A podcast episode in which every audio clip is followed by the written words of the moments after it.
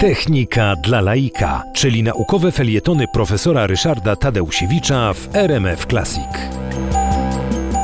Tramwaje i pociągi jeżdżą po stalowych torach i wszystkich zastanawia, czemu właśnie tak to kolejarze czy tramwajarze rozwiązują.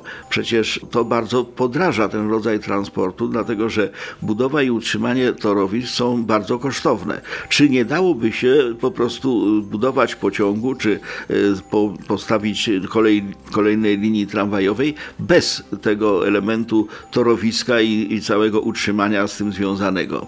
Otóż okazuje Okazuje się, że nie, ponieważ e, istnieje pojęcie tak zwanych oporów toczenia.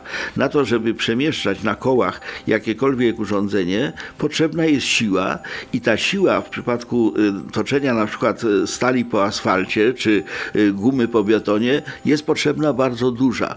Jest specjalny miernik oporów toczenia i ten miernik, którego no, definicji nie będę szczegółowo podawał, ale w przypadku na przykład gumy po betonie, czyli tak jak jeździmy samochodami czy rowerami, jest ten wskaźnik aż 15. W przypadku stali po asfalcie, y, jeżeli na przykład no, na jakichś kołach stalowych przemieszcza się coś, ale po asfalcie jest 6. Natomiast stal po stali, czyli tak jak jeździ pociąg czy y, tramwaj, y, ten wskaźnik oporów toczenia jest 0,01, jedna setna.